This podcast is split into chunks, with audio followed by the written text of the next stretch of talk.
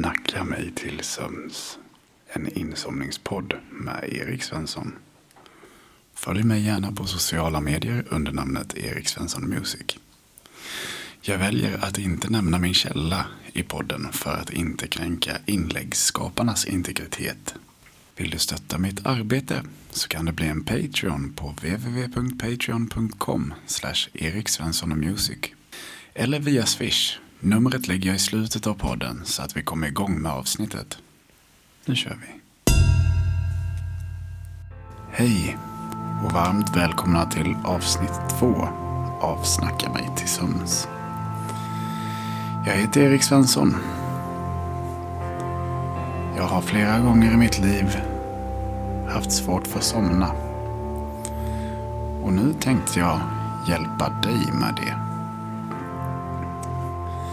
genom att läsa upp olika inlägg ifrån Facebook. Innan vi börjar dagens avsnitt så vill jag att vi gör en andningsövning. 4-7-8 metoden kör vi. Det går ut på att man först andas in i fyra sekunder Sen håller man andan i sju sekunder. Efter det så ska man andas ut i åtta sekunder. Åtta sekunder är ganska länge, tänk på det. Försök, försök få ut all luft. Okej, okay, vi kör. Andas in.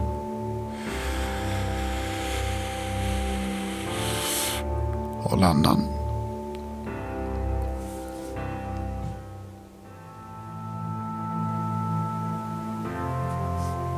Andas ut.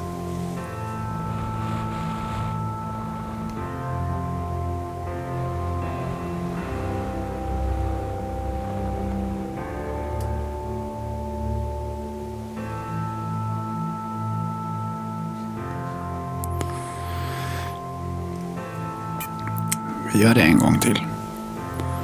Andas in.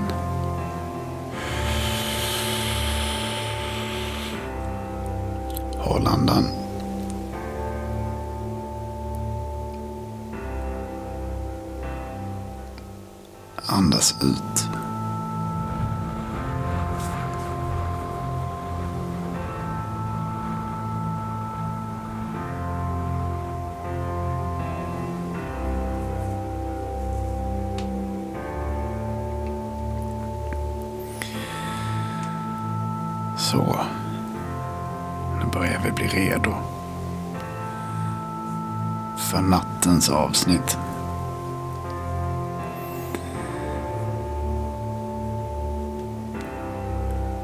Jag kom på det efter första avsnittet att jag behöver nog några regler att förhålla mig till. Om jag har någon kommentar på inläggen som jag läser så kommer jag först säga reflektion. Och sen så kommer jag hålla inläggsskaparnas namn. Hålla det till bara förnamn.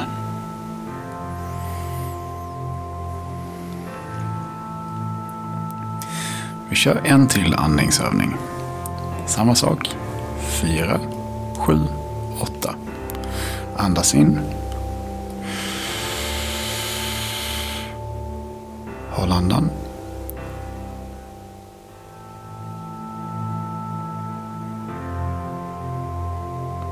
Andas ut.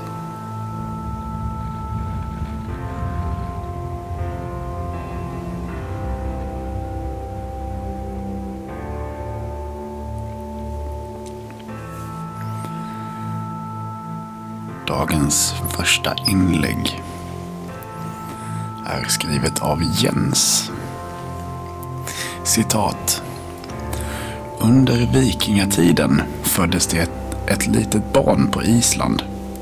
Pappa Nordbo. Mamma amerikan. Först var det ett rykte i århundraden.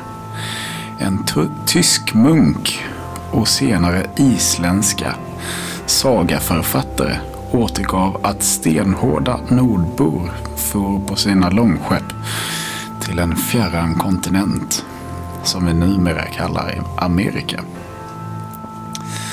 Men då blev känt som Vinland att det verkligen rörde sig om, inom parentes, minst strandhugg i Amerika bevisades när man i början av 1960-talet hittade lämningarna efter en nordisk bosättning från vikingatiden på Newfoundland. En del av Kanada numera. Inte mindre intressant är uppgifter att 80 stycken islänningar ränner omkring med DNA som kan hänföras till Amerikas ursprungsbefolkning. Det är den isländska forskningsgruppen Decode som 2010 påvisade att fyra isländska familjer har mitokondrie-DNA som måste hänföras långt tillbaka i tiden och till Amerika.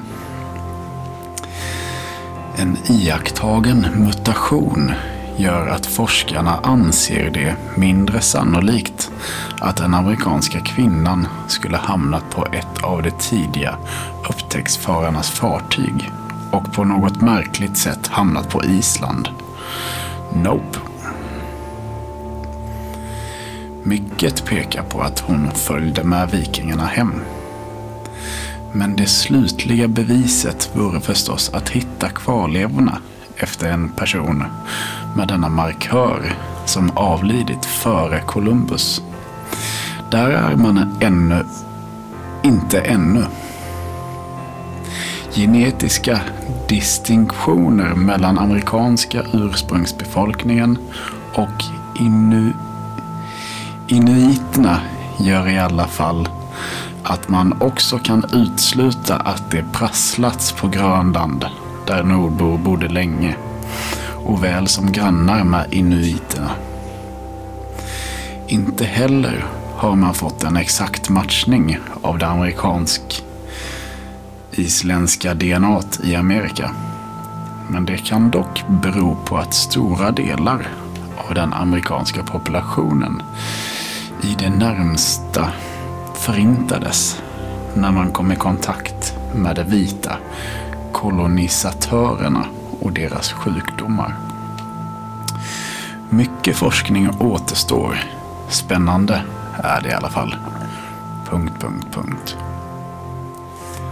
Tack för det inlägget Jens.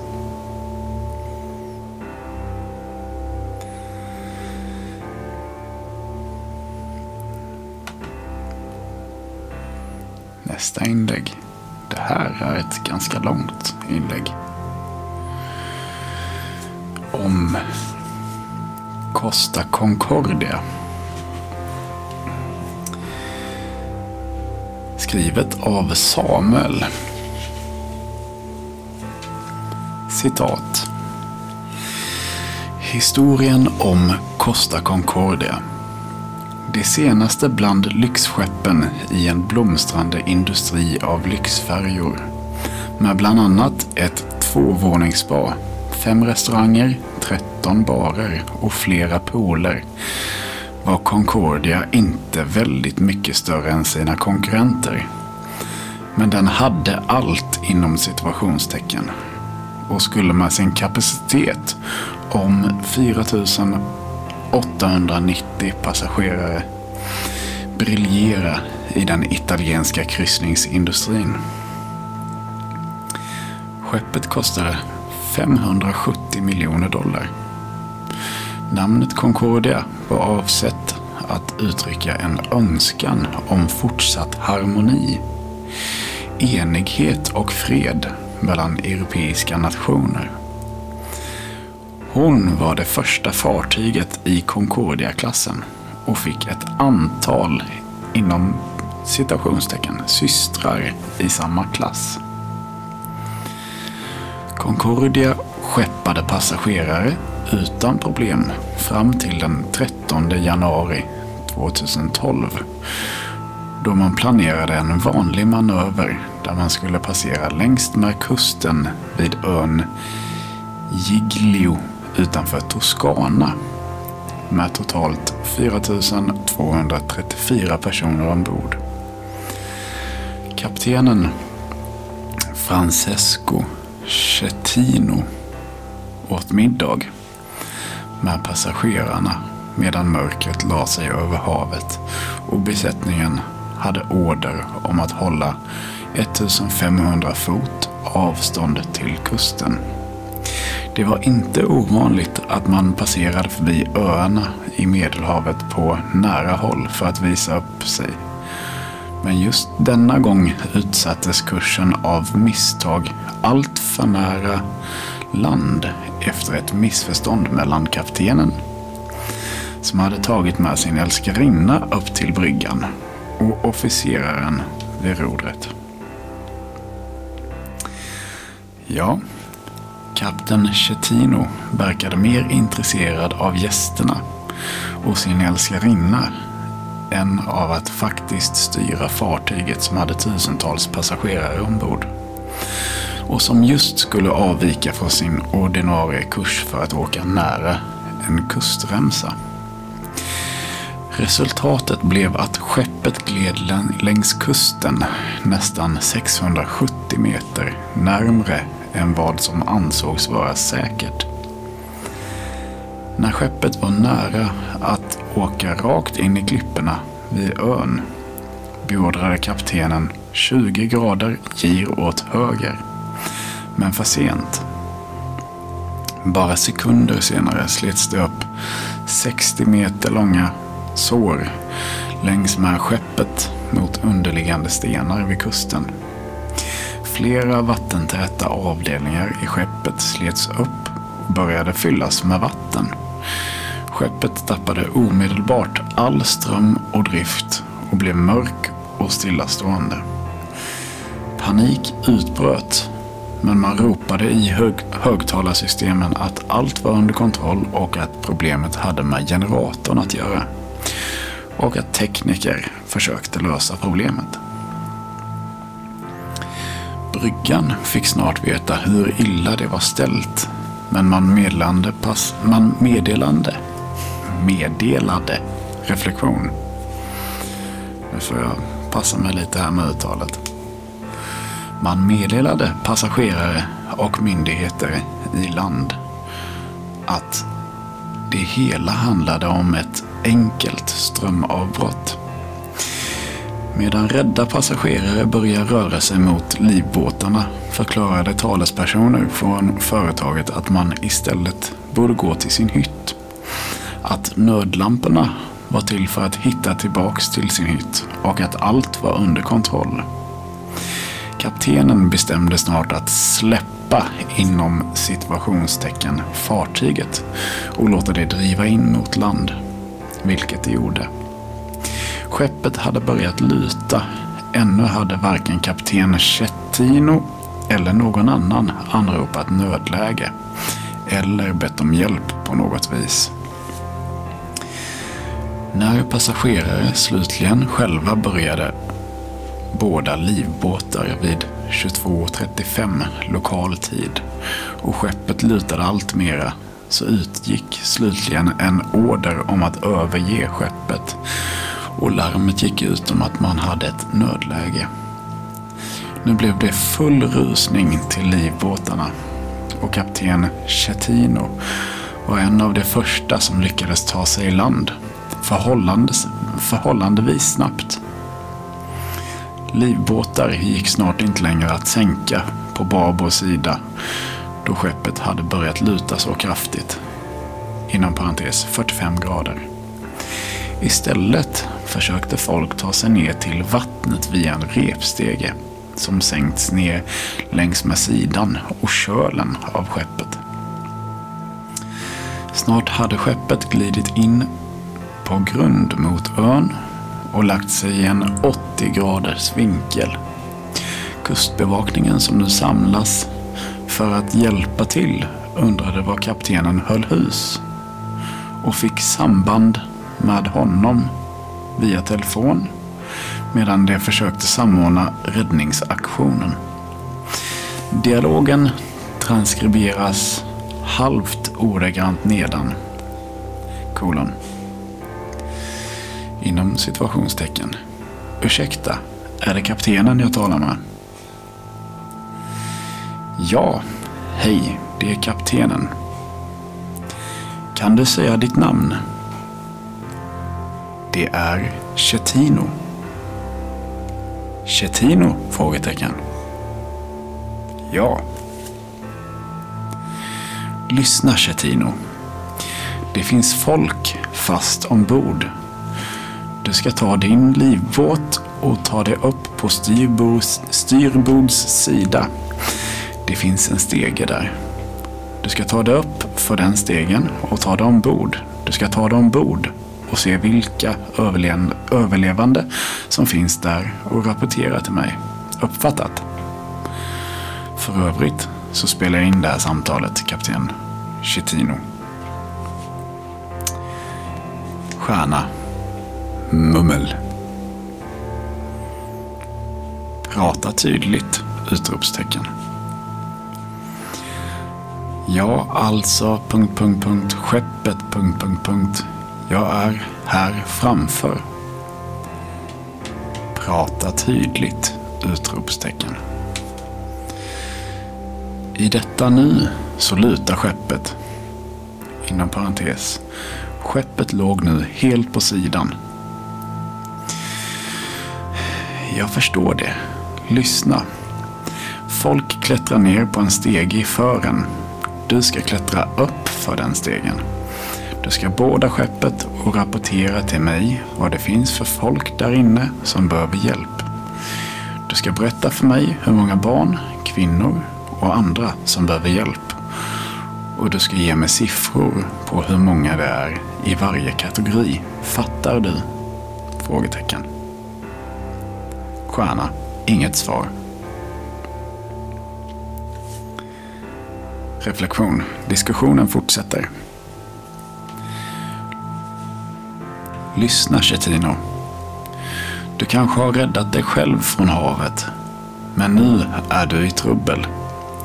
Jag ska se till att du får sota för det här. Gå ombord för helvete!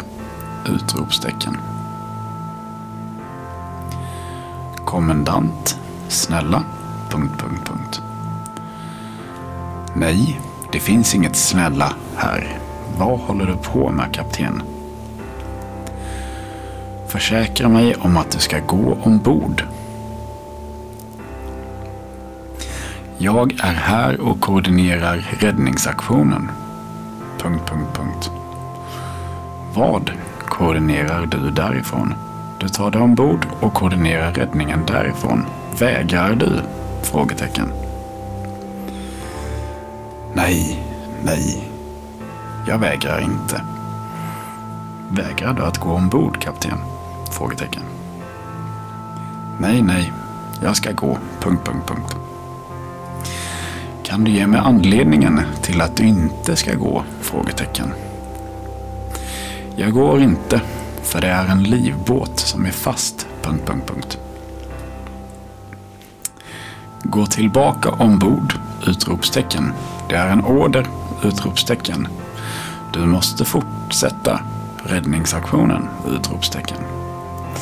Du har kallat ett nödläge. Jag har befälet och jag beordrar dig att gå ombord! Utropstecken. Men förstår du att det är mörkt och att vi inte ser någonting här? Frågetecken. Och? Frågetecken, utropstecken. Vill du gå hem, Chetino? Frågetecken. Är det mörkt och du vill gå hem? Frågetecken, utropstecken. Du går upp i fören via stegen och berättar för mig vad jag kan. Vad som kan göras därifrån. Nu! Utropningstecken. Två stycken. Stora bokstäver. Kustbevakningen fortsatte rädda folk som klängde sig fast vid sidan av skeppet fram till morgontimmarna. 32 människor dog medan lyxskeppet Concordia halvt om halvt kapsejsades på en kust i Medelhavet.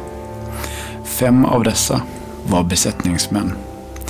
De flesta hade fastnat på lägre däck när skeppet kapsejsat.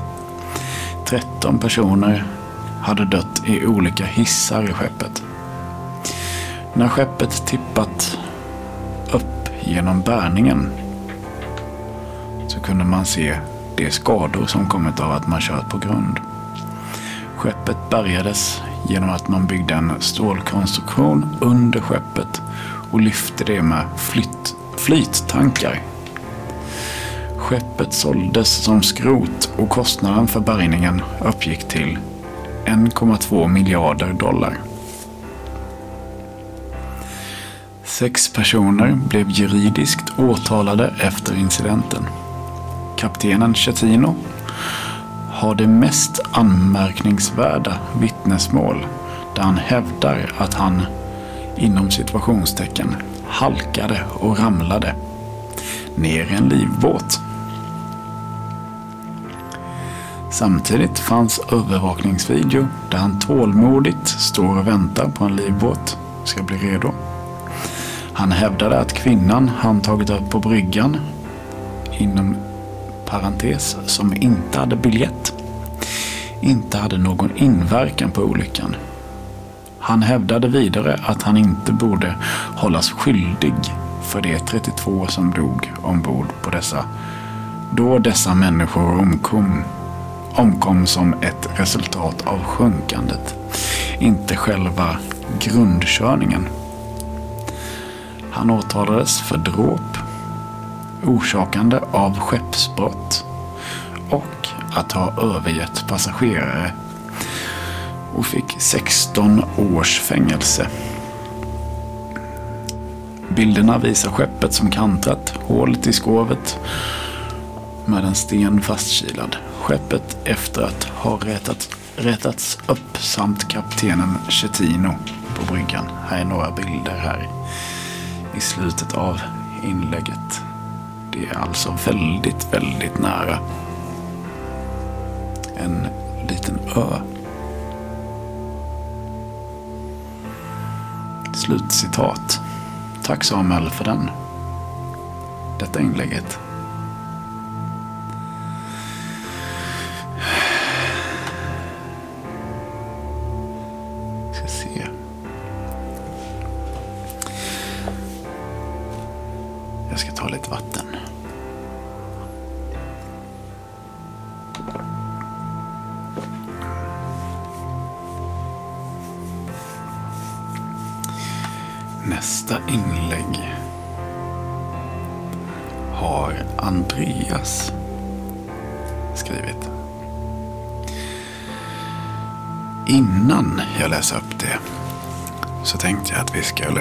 Ta en till andningsövning. 4, 7, 8. Jag tror att ni börjar haja hur det går till nu. Vi börjar med att andas in fyra sekunder.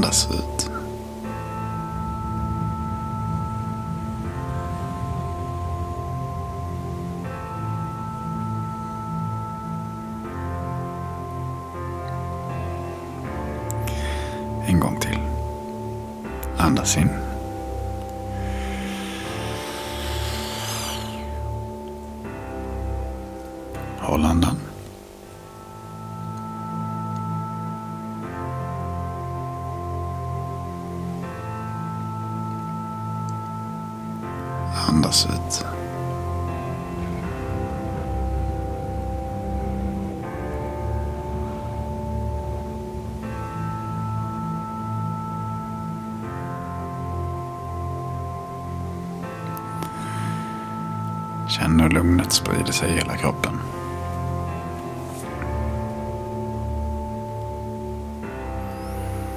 Okej, nästa inlägg.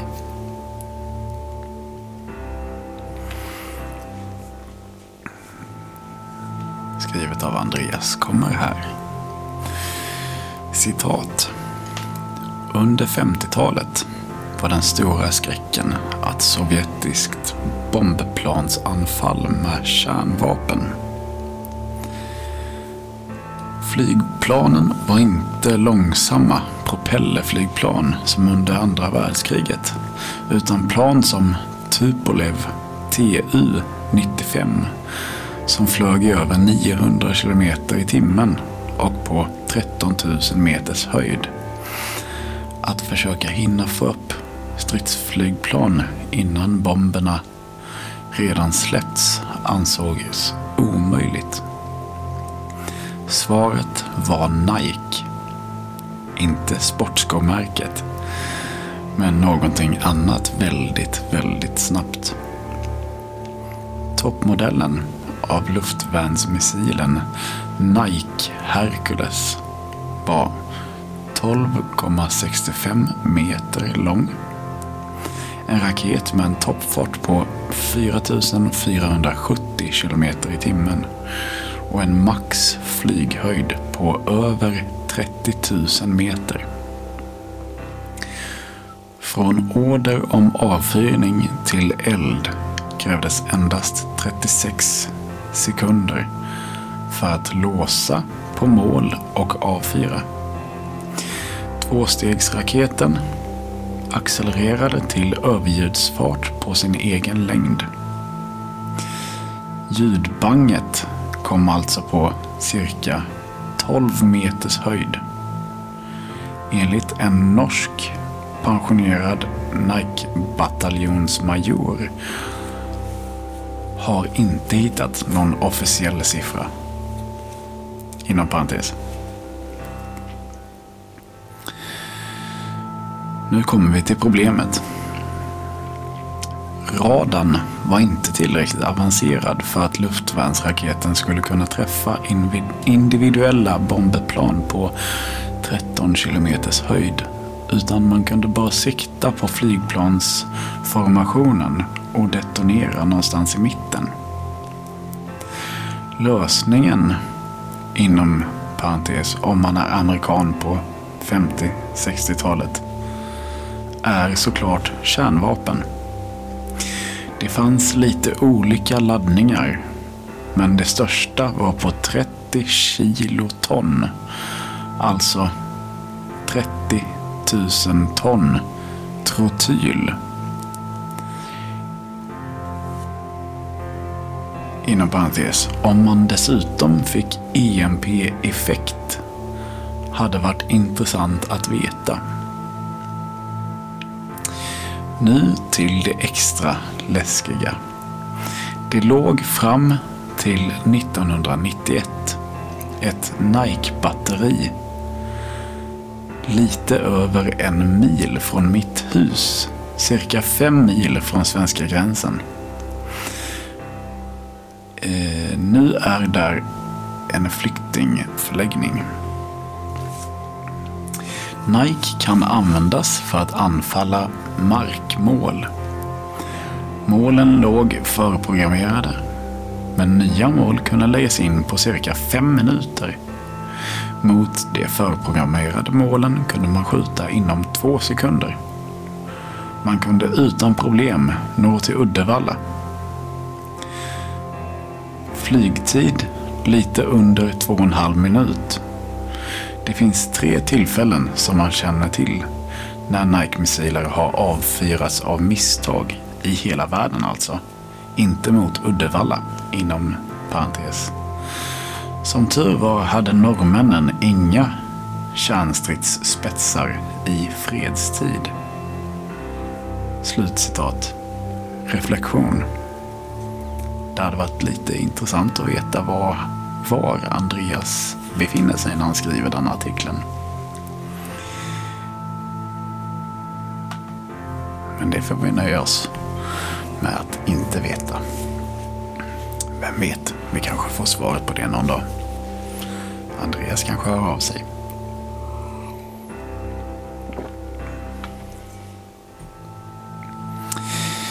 Vi går vidare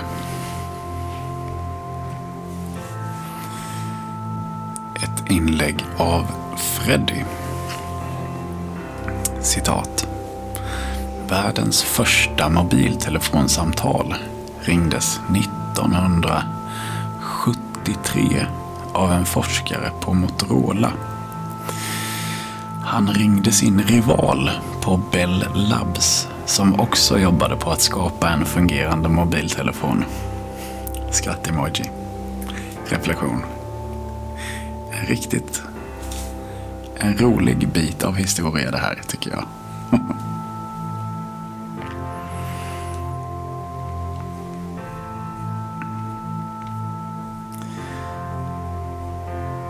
Nästa inlägg är skrivet av Håkan.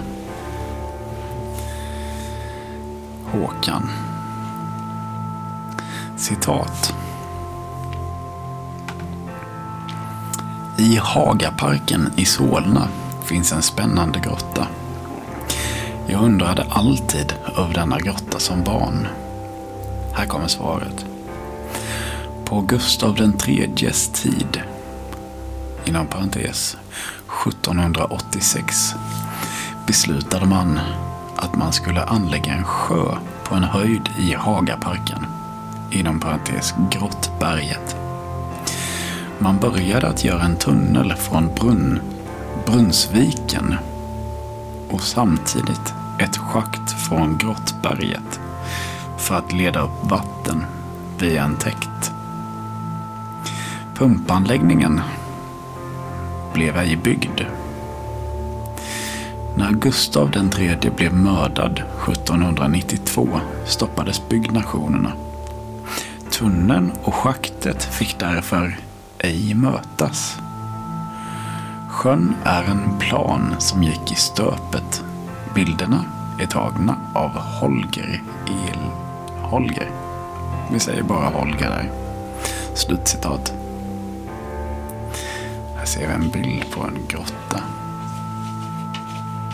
Reflektion. Coolt. Här kommer ett kort inlägg. Avskrivet av Daniel. Citat. Murphys lag känner nog många till.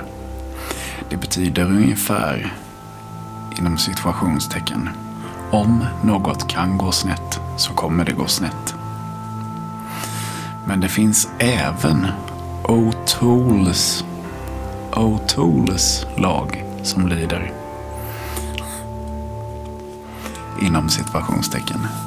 Murphy var optimist.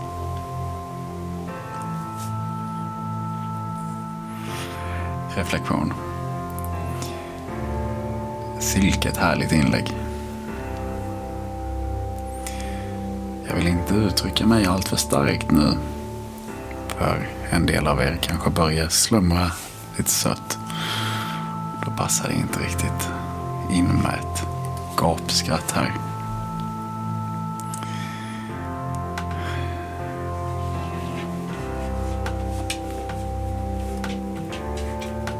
Ska se. Min hund rör sig lite grann. Det är sånt vi får leva med. Vissa ljud. Jag märkte det i förra podden att eh, jag kunde höra jag har en kanin. Jag hörde att kaninen drack vatten. Lite mysigt.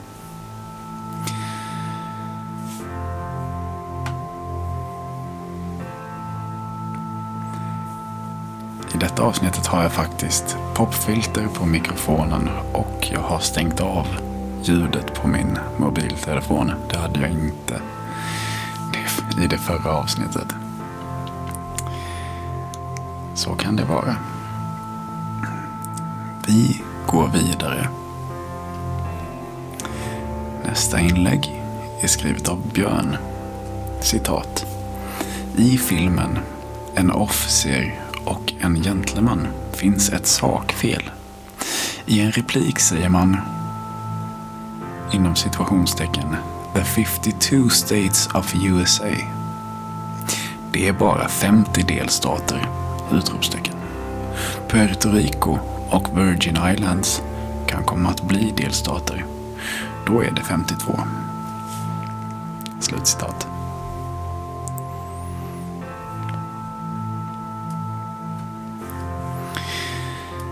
Nästa inlägg är skrivet av Amanda. Citat. Bara 46 procent av alla kulturer i världen använder kyssar som ett sätt att visa omtanke eller annat. Det förekommer knappt heller i djurvärlden. Inom parentes undantaget ett par apraser. Enligt BBC är det inte ett från början naturligt beteende från oss utan helt enkelt kulturellt. Bild på artist som har en otroligt bra låt på ämnet. Medföljer en bild på Prince, artisten Prince. Slutcitat. Tack för den historien, Amanda.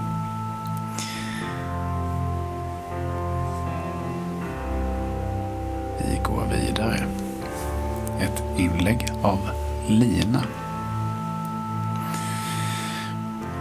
De konservburkar med mandariner som säljs i butik innehåller inte mandariner trots att det står så på förpackningen och, och i innehållsförteckningen.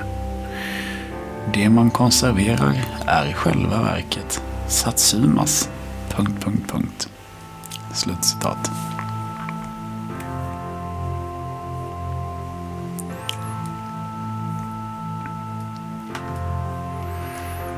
Nästa inlägg är skrivet av Mikael.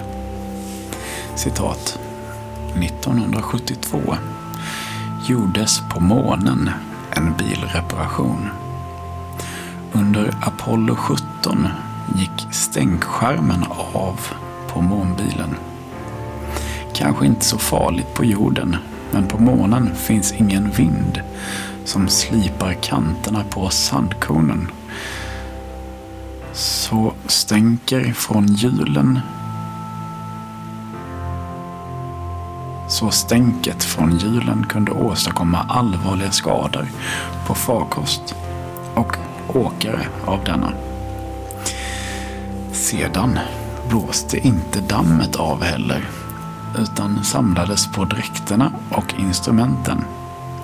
Om solens strålar i kombination med dess mörka färg gjorde att instrument eller rymddräkter överhettade hade det inte heller varit bra.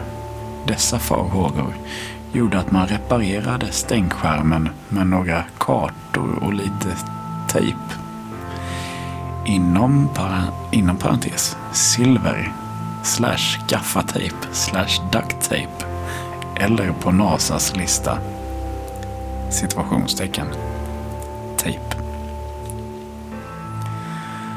Då bara tejp inte var tillräckligt för att fästa den avslitna stänkskärmen inom parentes slets av efter ett kort tag blev den slutliga lösningen att använda fyra månkartor, tejp och två klämmor från ett optiskt instrument. Det funkade bra. Bild från månen på reparationen och från det som tänkt ut lösningen på jorden. Slutcitat. Intressant läsning. Tack för det Mikael.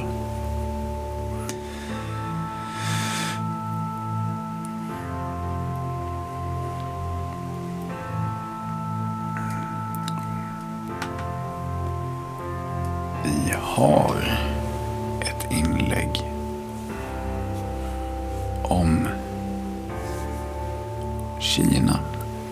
kineser, av Edith.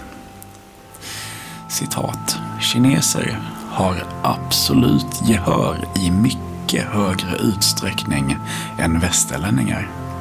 Enligt vissa undersökningar kan det röra sig om så många som 60% av kineserna som har absolut gehör. I Europa är absolut gehör mycket ovanligt. Där bara en på 10 000 besitter förmågan. Förklaringen tros vara att kinesiska är ett så kallat tonspråk där olika tonhöjd i uttal ger olika betydelse. Rättelse med stora bokstäver.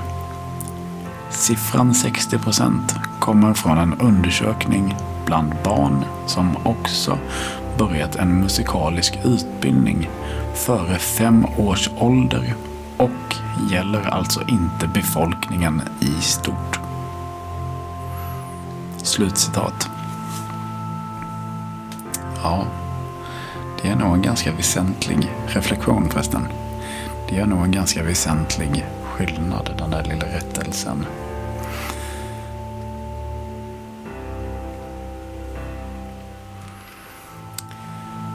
Nästa inlägg är skrivet av Hans. Citat. Pistolen Sean Connery poserar med på affischerna till Agent 007 ser rött inom parentes och flera påföljande filmer var i själva verket en luftpistol. Walter LP 53 Slutcitat.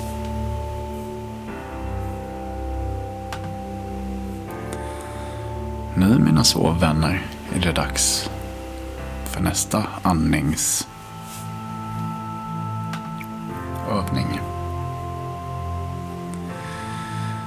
Andas in fyra. Håll andan sju. Andas ut i åtta sekunder. Andas in.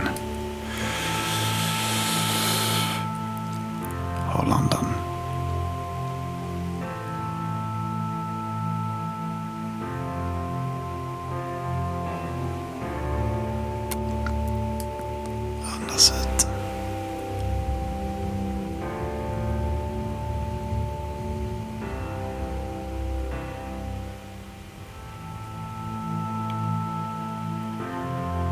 Andas in.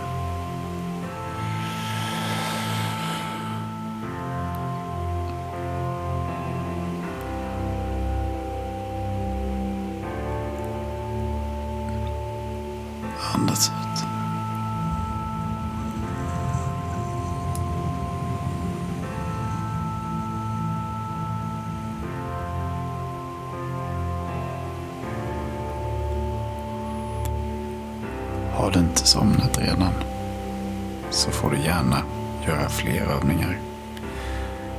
Fortsätt bara repetera 4, 7, 8. Så börjar jag läsa upp nästa inlägg så länge. Det är skrivet av Alexander. Citat. Idag, alltså den 2 november, för 88 år sedan startade man det som kom att kallas emukriget i Australien. Varför starta ett krig mot en stor fågel? Jo, man var orolig för det stora beståndet som härjade i västra delen.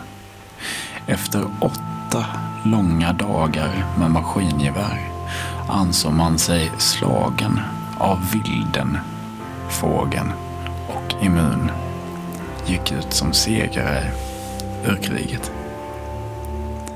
Slutcitat.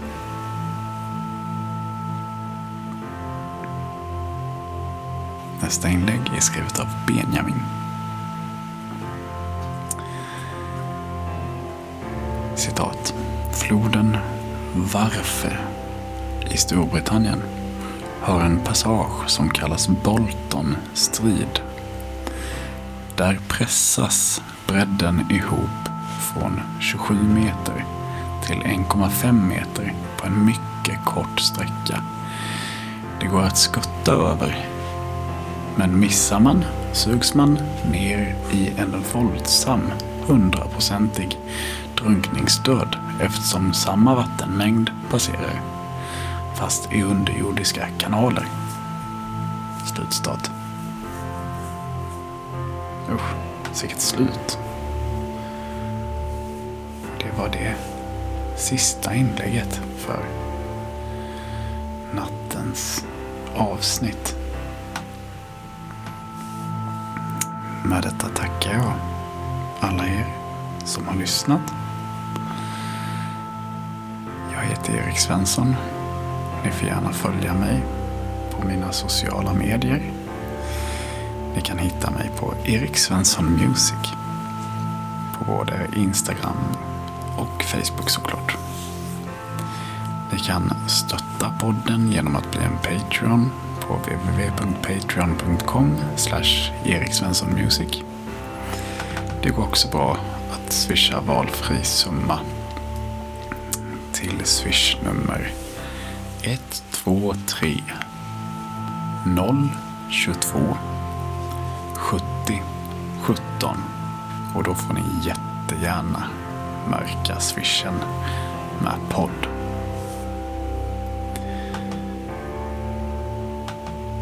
Återigen, stort, stort tack för att ni har lyssnat. Jag kommer fortsätta med detta ett bra tag till. Sov gott.